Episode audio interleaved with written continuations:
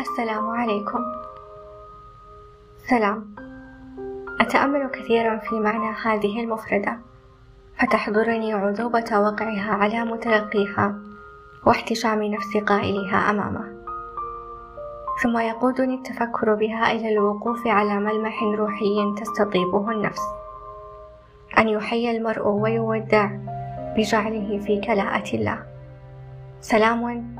أحييكم. أنا ريناد وهذه قناة سلام أسجل فيها لمحات وتأملات من طريقي في رحلة السلام لأن العيش يضاعف بمضاعفة التجربة والتجربة توسع حين مشاركتها.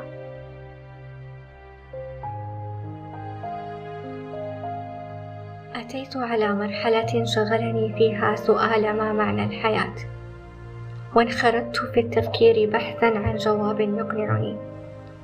تصادف أن تزامنت عناوين المواد التي تناولتها معه سواء في ذلك المسموعة والمقروءة وقد كان من أبرزها كتاب اعتراف لتولستوي الذي سلك فيه مسلكا تأمليا ذا طابع ديني فلسفي بعد أن أقض مصرعه السؤال عن الغاية والجدوى ماذا بعد؟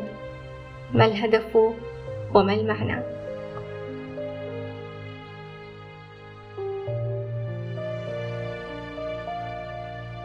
فتنني السؤال بفلسفيته فشرعت أمعن النظر به وأعمل الفكر فيه.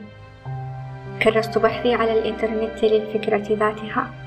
واقتنيت موادا مقروءة تناقشة. وقد كانت من أهمها مجلة الفيلسوف الجديد في أول عدد ترجم عربيا والذي عنون بالسؤال ذاته ما معنى الحياة؟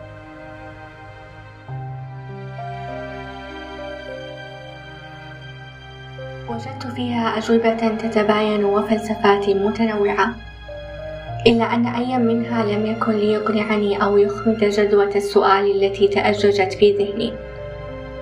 ذلك أن إيجاد وتركيب المعنى موقوف علينا. كان علي أن أجد إجابتي.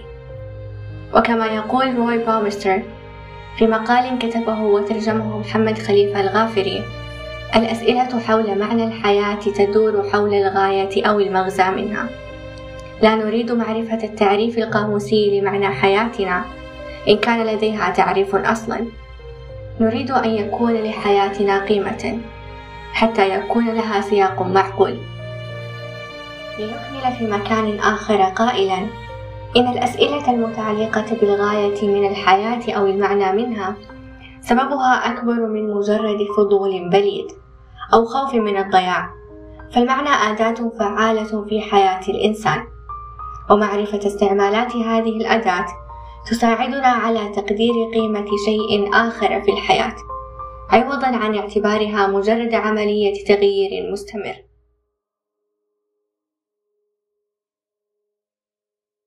يعنيني أن أنتبه للحياة أمامي. في فيلم تحت عنوان الحياة في يوم يقول رجل عن أخشى ما يخشاه أخشى أن تمر حياتي ولا يلاحظها أحد. أما أنا فأخشى أن تمر حياتي ولا ألاحظها أنا. أخشى أن يتسرب الزمن من قبضتي كماء شفاف عديم الرائحة بلا طعم ولا أشعر به. أخشى أن يفقد تماهيه مع كل ما يلبسه ثوبا من معنى. فيفوتني عمر لست أدري متى وكيف عشت. فكان في الانتباهة طمأنة وفي الفهم إدراك للمعنى. وحين استيعابه يكون الاغتنام.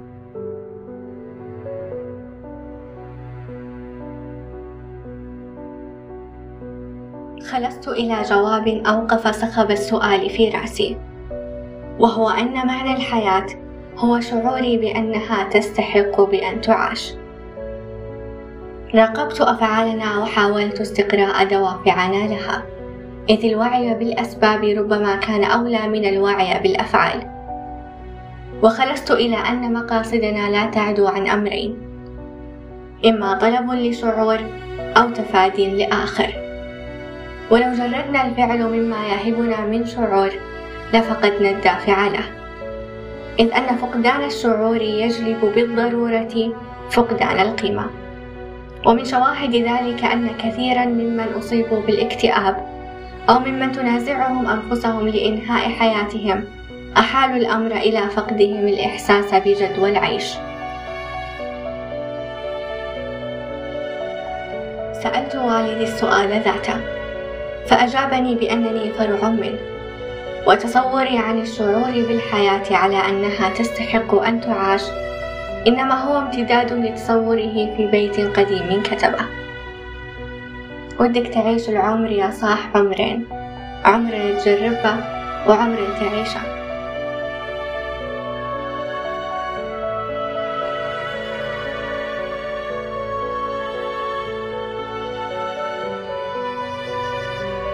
على الرغم من أنني وجدت إجابة أركن لها إلا أنني استمريت في القراءة حول هذا السؤال. وقد استحال الأمر من بحث بغرض حاجة وجودية إلى ترف عاطفي يحرك حالتي الجوانية ويرفرف أجنحتها برومانسية إجابات الناس عليه. كان آخر ما قرأته في هذا الموضوع كتاب كيف تعاش الحياة. سؤال واحد ومقالات عديدة للإجابة عنه. أن تولد استيقظ من سبات العادة احرس إنسانيتك. وكان أخراها دعي الحياة تكون الإجابة عن السؤال عنها.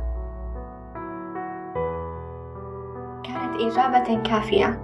أوقفت جراءها البحث وشرعت في العمل. أن أخلق المعنى عوضا عن أن أبحث عنه. وفي هذا الصدد يحضرني استشهادين يلتقيان في نقطة ما. ففي مسألة الإمعان في البحث عن المعنى يقول أوليفر بيركمان يبدو وكأن هذا السعي يحدد القيمة الكاملة لحياتي خارج اللحظة الحالية التي هي في واقع الأمر حياتي. وأما الاستشهاد الآخر فجملة لأليسيا ناش من فيلم عقل جميل تقول فيها أن النشاطات موجودة بيد أنه يجب إضافة المعنى.